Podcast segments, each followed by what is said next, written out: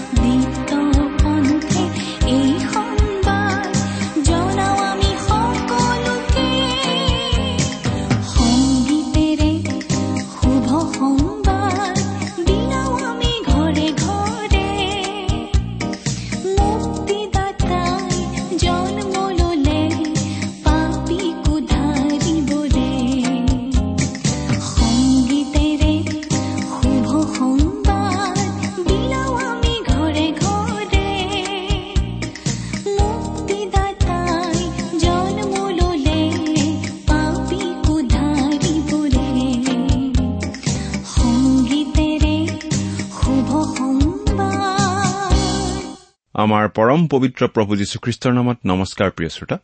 আশা কৰো মহান পিতা পৰমেশ্বৰৰ মহান অনুগ্ৰহত আপুনি ভালে কুশলে আছে। লগতে এই বুলিও আশা কৰিছো যে আপুনি আমাৰ এই ভক্তিবচন অনুষ্ঠানটো নিয়মিতভাৱে শুনি আছে। প্ৰিয় শ্ৰোতা এই অনুষ্ঠান শুনি আপুনি কেনে পাইছে আমালৈ চিঠি লিখি জনাবচোন। আপোনালোকৰ পৰা চিঠি পত্ৰ পাবলৈ আমি আগ্ৰহেৰে বাট চাওঁ। আহকচোন আজিৰ বাইবেল অধ্যয়ন আৰম্ভ কৰাৰ আগতে খন্তেক প্ৰাৰ্থনাত মূৰ দুৱাওঁ। স্বৰ্গত থকা অসীম দয়ালু পিতৃ ঈশ্বৰ তোমাৰ মহান নামৰ ধন্যবাদ কৰো। তুমি মহান তুমি কৰুণাময় তুমি অনুগ্ৰহৰ আকৰ। তোমাৰ অনুগ্ৰহতেই আজি আমি প্ৰভু যীশুত বিশ্বাস কৰি পৰিত্ৰাণ পাব পৰা হৈছো তোমাক পিতৃ বুলি মাতিব পৰা হৈছো। তুমি আমালৈ যিমান অনুগ্ৰহ দেখুৱাইছা তাৰ বাবে তোমাক ধন্যবাদ দি আমি শেষ কৰিব নোৱাৰো। এতিয়া প্ৰাৰ্থনা কৰিছো তোমাৰ মহান বাক্য বাইবেল শাস্ত্ৰৰ যোগেৰে তুমি আমাক কথা কোৱা। তোমাৰ মাত আমাক শুনিবলৈ দিয়া। কিয়নো এই প্ৰাৰ্থনা আমাৰ মহান ত্ৰাণকৰ্তা প্ৰভু যীশুখ্ৰীষ্টৰ নামত আগবঢ়াইছো।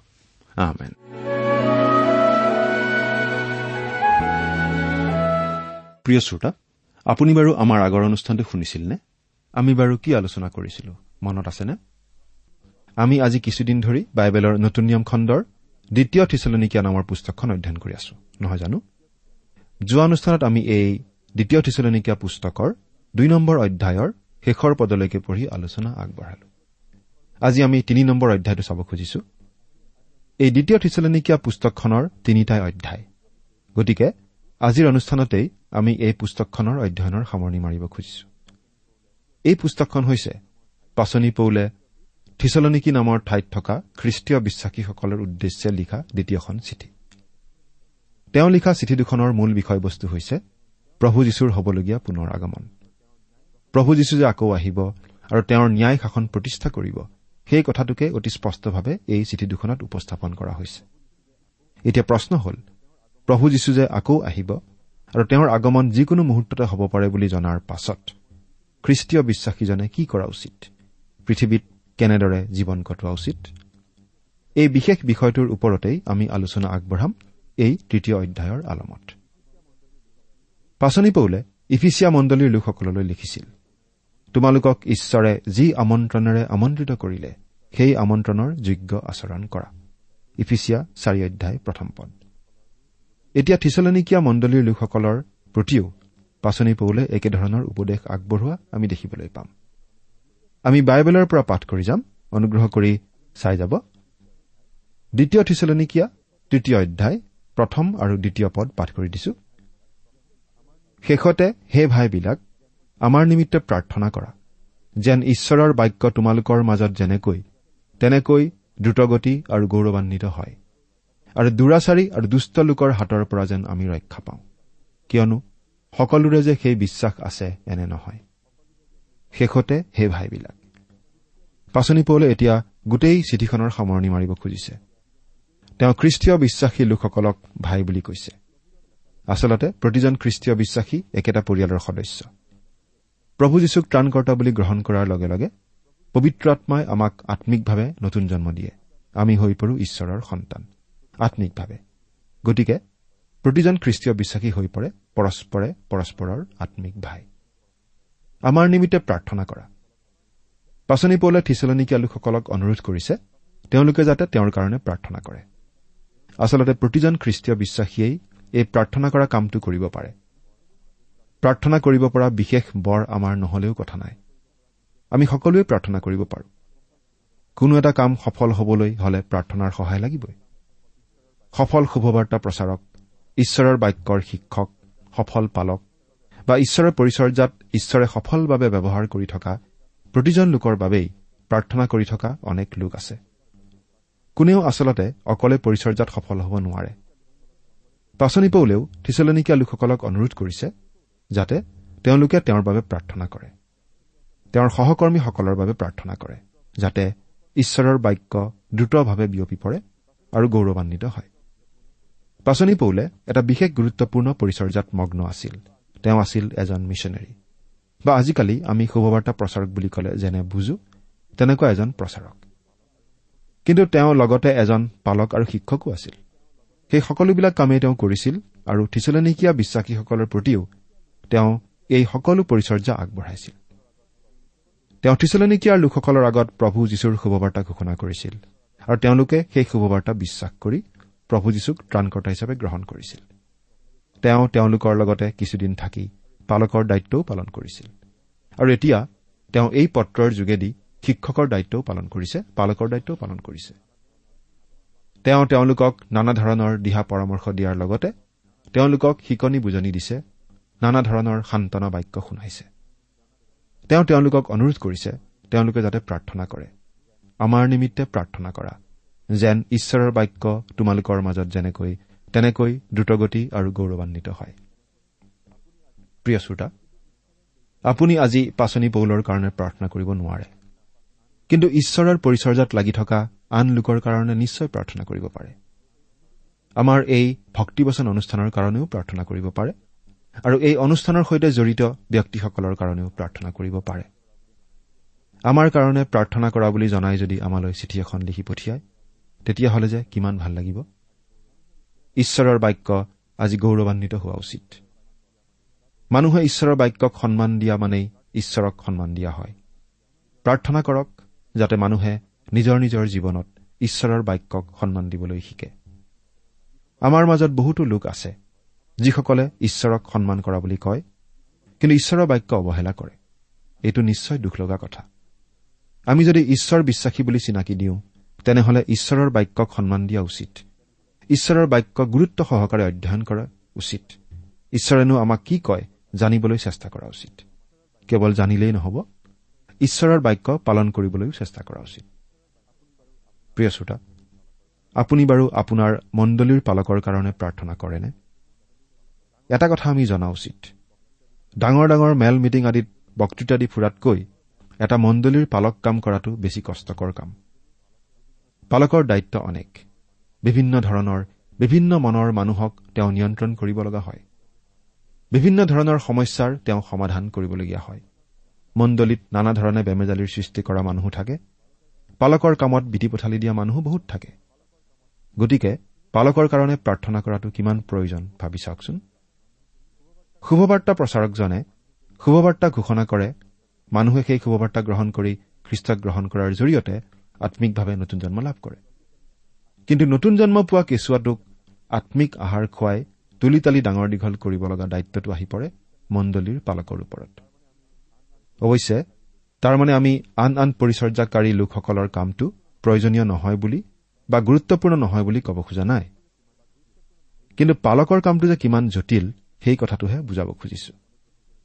প্ৰিয় শ্ৰোতা অনুগ্ৰহ কৰি আপোনাৰ মণ্ডলীৰ পালকৰ কাৰণে নিয়মিতভাৱে প্ৰাৰ্থনা কৰক। আমি বহুত সময়ত ভাবো আমিনো ঈশ্বৰৰ পৰিচৰ্যাত কেনেদৰে ভাগ ল'ব পাৰোঁ। কিন্তু আমি একো কৰিব নোৱাৰিলেও অন্ততঃ আমাৰ পালকৰ কাৰণে প্ৰাৰ্থনা কৰিব পাৰোঁ। মণ্ডলীৰ নেতাসকলৰ কাৰণে প্ৰাৰ্থনা কৰিব পাৰোঁ।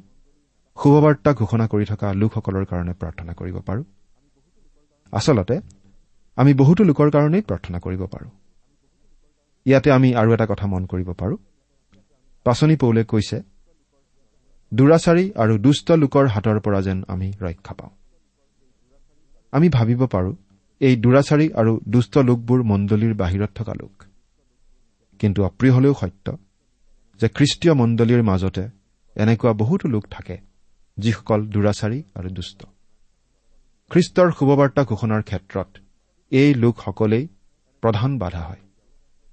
এনেকুৱা লোক তেতিয়াও আছিল এতিয়াও আছে। তাৰ পিছত পাচনি পৌলে আৰু এটা কথা কৈছে। কিয়নো সকলোৰে যে সেই বিশ্বাস আছে এনে নহয়।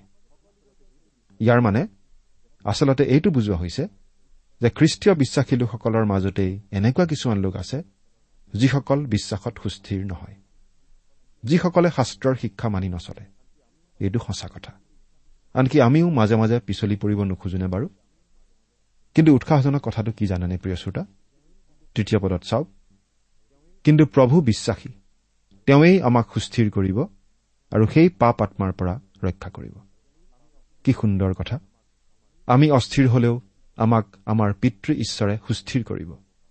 আপোনালোকৰ এই অধমে ক'ব পাৰো মই বহুবাৰ প্ৰভুৰ অবাধ্য হৈছো কিন্তু প্ৰভুৱে কেতিয়াও মোক পৰিত্যাগ কৰা নাই এৰি দিয়া নাই কাৰণ আমাৰ প্ৰভু পিতা পৰমেশ্বৰ বিশ্বাসী তেওঁ সদায়েই বিশ্বাসী। প্ৰভুৱেই আমাক সুস্থিৰ কৰিব। প্ৰতিজন খ্ৰীষ্টীয় বিশ্বাসীয়েই সুস্থিৰ হোৱাৰ প্ৰয়োজন আছে। বিশ্বাসী লোকজন কেনেদৰে সুস্থিৰ হ'ব পাৰে? ঈশ্বৰৰ বাক্য অধ্যয়ন কৰাৰ দ্বাৰা আৰু ঈশ্বৰৰ বাক্যৰ দ্বাৰা নিজৰ জীৱন প্ৰভাৱান্বিত কৰাৰ দ্বাৰা। ঈশ্বৰেই তেওঁৰ বাক্যৰ যোগেদিয়ে কাম কৰে। ঈশ্বৰৰ বাক্যই আমাক অসৎ পথৰ পৰা আঁতৰাই ৰাখিব পাৰে। এজন বিখ্যাত লোকে কৈছিল বাইবেলে আপোনাক পাপৰ পৰা আঁতৰাই ৰাখিব কিন্তু পাপে হলে আপোনাক বাইবেলৰ পৰা আঁতৰাই ৰাখিব। ঈশ্বৰেই আমাক সুস্থিৰ কৰিব আৰু পাপ আত্মা অৰ্থাৎ ছয়তানৰ পৰা ৰক্ষা কৰিব। এতিয়া চাৰি নম্বৰ পদটো পঢ়ি দিছো।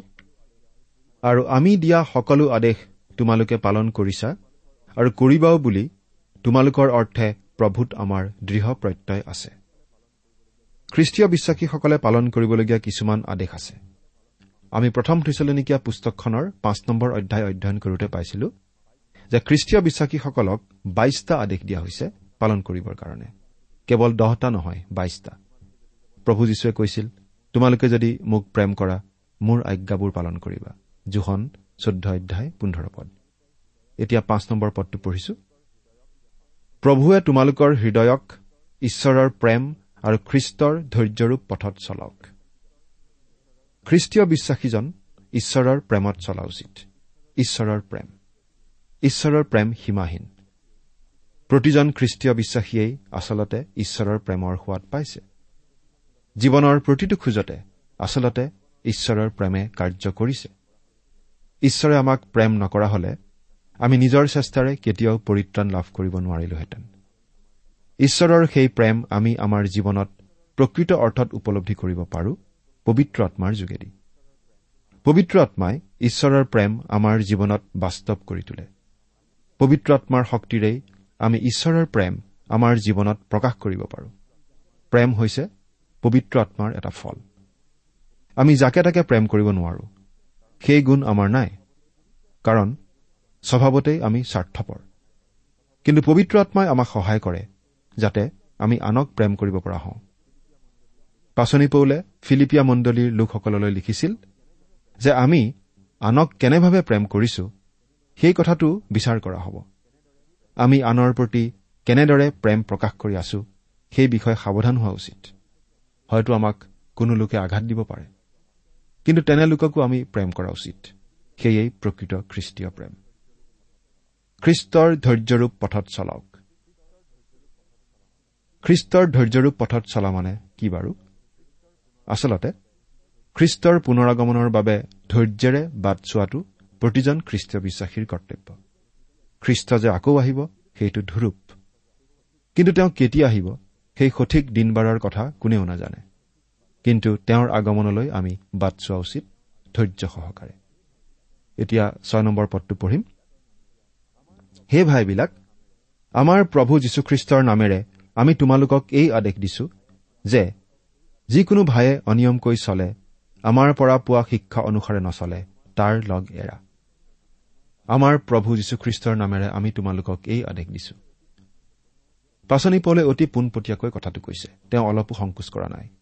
তেওঁ স্পষ্টভাৱে কৈছে যে আমি অনিয়মকৈ চলা ভাইৰ সংগ এৰিব লাগে। অনিয়মকৈ চলা অৰ্থাৎ শাস্ত্ৰৰ শিক্ষা মানি নচলা লোকৰ আগত আমি খ্ৰীষ্টৰ শুভবাৰ্তা বিলাব লাগে। তেনে লোকৰ প্ৰতি ভাল ব্যৱহাৰো কৰিব লাগে। তেওঁলোকৰ লগত মিলি পৰিবহে নালাগে। তেওঁলোকৰ লগত বন্ধু হৈ পৰিব নালাগে। অৰ্থাৎ আমি তেনেলোকৰ পৰ্যায়লৈ নামি যাব নালাগে। তেনেহলে আমি কাৰ নিচিনা হ'ব লাগে? সাত নম্বৰ পদত চাওক। কিয়নো তোমালোক কেনেকৈ আমাৰ অনুকাৰী হ'ব লাগে তাক নিজে জানা। কাৰণ তোমালোকৰ মাজত আমি অনিয়মকৈ চলা নাই। আমি যেনেকুৱা মানুহৰ লগত মিলা মিছা কৰো উঠা বহা কৰো তেনেকুৱা মানুহৰ নিচিনা হৈ পৰাৰ সম্ভাৱনা থাকে। অনবৰত লোকক সমালোচনা কৰি থকা পৰচৰ্চা কৰি থকা লোকৰ মাজত থাকিলে আমিও পৰচৰ্চাকাৰী হৈ পৰাৰ সম্ভাৱনাই বেছি থাকে। আমি কেনে মানুহৰ লগত মিলা মিছা কৰো সেই বিষয়ে সাৱধান হোৱা উচিত। আমি যদি সুসংগ লওঁ সেই সুসংগই আমাৰ আচাৰ ব্যৱহাৰ আদিত নিশ্চয় সুপ্ৰভাৱ পেলাব। আঠ পদ পঢ়িছো। আৰু বিনামূল্যে কাৰো আহাৰ ভোজন কৰা নাই। কিন্তু তোমালোকৰ কাৰো ওপৰত ভাৰ নিদিবলৈ ৰাতিয়ে দিনে পৰিশ্ৰম আৰু মেহনতেৰে কাম কৰিলো। বিনামূল্যে কাৰো আহাৰ ভোজন কৰা নাই। অৰ্থাৎ পাচনি পৌলে যদি কাৰোবাৰ পৰা কিবা খাইছিল তেওঁ তাৰ মূল্য দিছিল। কিন্তু তোমালোকৰ কাৰো ওপৰত ভাৰ নিদিবলৈ ৰাতিয়ে দিনে পৰিশ্ৰম আৰু মেহনতেৰে কাম কৰিলো। পাচনি পৌলে যি মিছনেৰী কাম কৰিছিল সেই কামৰ বাবে কাৰো পৰা কোনো ধৰণৰ অৰ্থ সাহায্য লোৱা নাছিল। এই কথাটো আমি কৰিন্ঠিয়া পত্ৰ পঢ়োতেও পাইছিলো। তেওঁৰ নিজৰ খৰচ তেওঁ নিজে উলিয়াইছিল। তম্বু চিলোৱা ব্যৱসায় কৰি। অৱশ্যে পাচনি পৌলে কিছুমান মণ্ডলীৰ পৰা দান সংগ্ৰহ কৰা কথাটোও আমি পাওঁ। তেওঁ গালাটীয়াবিলাকলৈ লিখা পত্ৰত আমি এই কথাটো পাওঁ। কিন্তু তেওঁ সেই দান সংগ্ৰহ কৰিছিল জিৰচালেমত থকা অতি দুখীয়া খ্ৰীষ্টীয় ভাই ভনীসকলৰ বাবেহে নিজৰ বাবে নহয়। পাচনি পৌলে ৰাতিয়ে দিনে পৰিশ্ৰম আৰু মেহনত কৰি কাম কৰিছিল। হাত সাৱটি বহি থকা লোক তেওঁ নাছিল। পৰৰ মূৰত কঁঠাল ভাঙি খোৱা প্ৰকৃতিৰ লোকো তেওঁ নাছিল। ন নম্বৰ পদটো পঢ়িছো। ইয়াত যে আমাৰ স্বত্ব নাই এনে নহয়। কিন্তু যাতে তোমালোক আমাৰ অনুকাৰী হোৱা তাৰ কাৰণে তোমালোকৰ আগত আমি নিজকে আৰ্হি দেখুৱাবলৈহে তাকে কৰিলো। পাচনি পলে আচলতে তেওঁলোকৰ পৰা অৰ্থ সাহায্য লোৱাৰ পূৰা অধিকাৰ আছিল কাৰণ তেওঁ আছিল পাচনি। কিন্তু তেওঁ সেই কাম কৰা নাছিল কাৰণ তেওঁ সৎ আদৰ্শ ৰাখি থৈ যাব খুজিছিল। দহ নম্বৰ পদটো পঢ়িছো। কিয়নো কাম কৰিবলৈ যদি কোনোৱে অসন্মত হয় তেন্তে তেওঁ আহাৰো নকৰক। এই বুলি তোমালোকৰ মাজত থাকোঁতেই আমি তোমালোকক আদেশ দিছিলো। খ্ৰীষ্টীয় বিশ্বাসী লোকজনে প্ৰভু যীশুৰ দ্বিতীয় আগমনৰ বাবে বাট চাই থাকে। কিন্তু তেওঁ কেৱল কল্পনা কৰি বা সপোন দেখি নাথাকে। তেওঁ হাতে কামে লাগিহে থাকিব লাগে। খ্ৰীষ্টীয় বিশ্বাসীজনে দৈনন্দিন জীৱনত কোনো এলাহ নকৰাকৈ কাম কাজত লাগি থাকিব লাগে। কাম কৰিবলৈ যদি কোনো অসন্মত হয় তেন্তে তেওঁ আহাৰো নকৰক। কথাখিনি শুনিবলৈ অলপ কঠোৱা যেন লাগিব পাৰে নহয়নে বাৰু? কিন্তু এইটোৱেই হৈছে ঈশ্বৰৰ ইচ্ছা। প্ৰতিজন লোকেই নিজৰ নিজৰ কাম কৰা উচিত নিষ্ঠাপূৰ্ণভাৱে। আমি প্ৰভু যীশুৰ আগমনলৈ অধীৰ আগ্ৰহেৰে বাট চাই আছো ঠিকেই। কিন্তু আমি নিজৰ নিজৰ কামতো ব্যস্ত থাকিব লাগিব। কামত অৱহেলা কৰিবলৈ আমাক কোৱা হোৱা নাই। খ্ৰীষ্ট আকৌ আহিব খ্ৰীষ্টীয় বিশ্বাসী লোকসকলক লৈ যাবলৈ। এই কথাটো বিশ্বাস কৰি বহি থাকিলে নহ'ব। এই কথাটো বিশ্বাস কৰি সেই বিশ্বাসক আমি আমাৰ কাৰ্যৰ মাজেদি প্ৰকাশ কৰিব লাগিব। এবাৰ এজন লোকে খুব চহকী মানুহ এজনৰ প্ৰাসাদোপম ঘৰ এটা চাবলৈ গৈছিল। সেই ঘৰটো অলপ আওহতীয়া ঠাইত আছিল নগৰৰ পৰা দূৰত। সেই ঘৰটো চোৱা চিতা কৰিছিল এজন মালীয়ে। চহকী মানুহজন নগৰত থাকে। কেতিয়াবাহে সেই ঘৰটোত থাকিবলৈ আহে। সেই ঘৰটোৰ চাৰিওফালে এখন ধুনীয়া পৰিপাতি ফুলনি আছিল। আৰু মালীজনে ধুনীয়াকৈ সেই ফুলনিখন ৰাখিছিল। মানুহজনে সেই মালীজনক সুধিলে এই ঘৰটো চাবলৈ মালিকজন বাৰু কিমান দিন অহা নাই? মালীজনে কলে প্ৰায় দহ বছৰমান অহা নাই। দহ বছৰ? কিন্তু আপুনিতো ইমান ধুনীয়াকৈ ফুলনিখন সজাই ৰাখিছে। মানুহজনে মালীজনক আচৰিত হৈ সুধিলে। তেতিয়া মালীজনে কি উত্তৰ দিলে জানেনে প্ৰিয় শ্ৰোতা? তেতিয়া মালীজনে এই বুলি উত্তৰ দিলে কাৰণ তেওঁ আহিব বুলি মই জানো। তেওঁ হয়তো অহাকালিয়ে আহিব পাৰে হয়তো আজিও আহিব পাৰে। প্ৰিয় শ্ৰোতা সেই মালীজনে ঘৰৰ মালিক আহিব আহিব বুলি পদূলিমুখত থিয় হৈ বাট চাই থকা নাছিল। তেওঁ ফুলনিখনহে খুব সুন্দৰভাৱে সজাইছিল। প্ৰভু যীশুৰ আগমনৰ বাবেও আমি তেনেদৰেই সাজু হৈ থকা উচিত। কামত নিষ্ঠা সহকাৰে ব্যস্ত থকাৰ দ্বাৰা। এতিয়া আমি এঘাৰ নম্বৰ পদটো পাঠ কৰি দিব খুজিছো। সেই কথা এতিয়া সোঁৱৰাইছো। কাৰণ আমি শুনিবলৈ পাওঁ যে তোমালোকৰ কোনো কোনোৱে অনিয়মকৈ চলে আৰু একো কাম নকৰি অনধিকাৰ চৰ্চা কৰি ফুৰে। কিমান বেয়া কথা। কাম বন নকৰি পৰচৰ্চা কৰি ফুৰে। এনেকুৱা মানুহ আমাৰ মাজত আজিও নাইনে বাৰু? তেনেধৰণৰ মানুহৰ পৰা আমি সাৱধানে থকা উচিত। আৰু আমি নিজে তেনেকুৱা ধৰণৰ মানুহ যাতে নহওঁ তাৰ বাবে আমি সাৱধান হোৱা উচিত। বাৰ নম্বৰ পদ। এনেকুৱা লোকক আমি প্ৰভু যীশুখ্ৰীষ্টৰ নামেৰে আদেশ দি বিনয় কৰিছো। যে তেওঁবিলাকে শান্তভাৱে কাম কৰি নিজৰ আহাৰ ভোজন কৰক। তেনেকুৱা অনিয়মীয়া লোকসকলক পাচনি পৌলে প্ৰভু যীশুখ্ৰীষ্টৰ নামেৰে আদেশ কৰি বিনয় কৰিছে। তেওঁলোকে যাতে নিজৰ উপাৰ্জন নিজে কৰে সৎ উপায়েৰে। তেওঁলোক যাতে এলেহুৱা হৈ বহি নাথাকে। তেওঁলোকে যাতে পৰচৰ্চা কৰি ঘূৰি নুফুৰে। তেৰ নম্বৰ পদ। কিন্তু হে ভাইবিলাক তোমালোকে হলে সৎকৰ্ম কৰি কৰি নিৰুৎসাহ নহবা। সৎকৰ্ম কৰি কৰি আমি কেতিয়াবা নিৰুৎসাহ হ'ব খোজো যেতিয়া আমি অসৎ লোকক উন্নতি কৰা দেখা পাওঁ। কিন্তু অসৎ লোকৰ দিন খন্তেকীয়া আজি আছে কালি নাই। কিন্তু সৎ পথত থকাজন স্থায়ী হয়। সৎকৰ্ম কৰি আমি হতাশ হৈ পৰা উচিত নহয়। চৈধ্য আৰু পোন্ধৰ নম্বৰ পদ।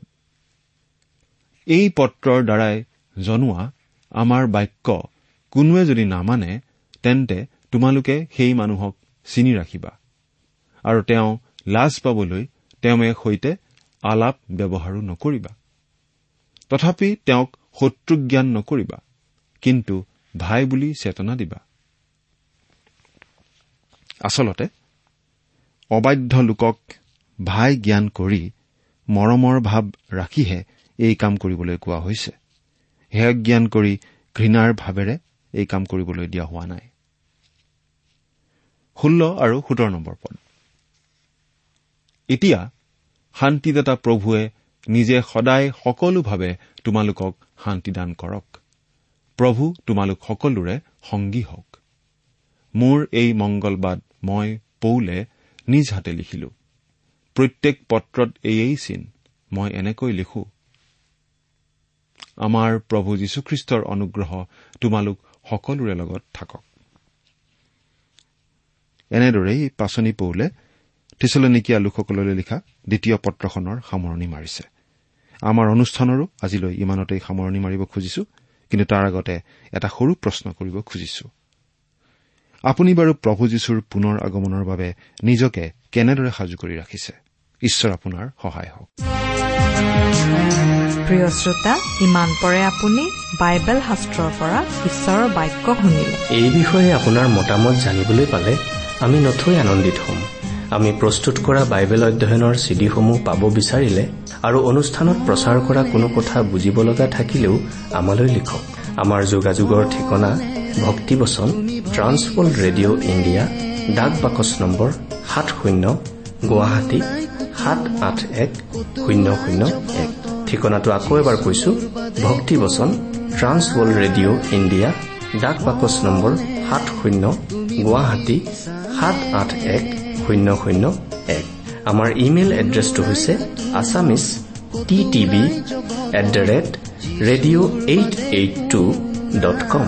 আমাৰ website W W W dot T W R dot in. আপুনি টেলিফোনৰ মাধ্যমেৰেও আমাক যোগাযোগ কৰিব পাৰে। আমাৰ টেলিফোন নম্বৰটো হৈছে nine eight five four zero' four zero' eight eight nine. Phone নম্বৰটো আকৌ এবাৰ কৈছো ন আঠ পাঁচ চাৰি শূন্য চাৰি শূন্য আঠ আঠ ন। আপুনি এই ভক্তিবচন অনুষ্ঠানটি আমাৰ website W W W dot radio' eight eight two dot কমতো শুনিব পাৰিব। আজিৰ অনুষ্ঠানটি ইমানতেই সামৰিছো। ঈশ্বৰৰ শান্তি আৰু অনুগ্ৰহ আপোনাৰ লগত থাকক। ধন্যবাদ। যিচুৰ বাদে কোনো নাই।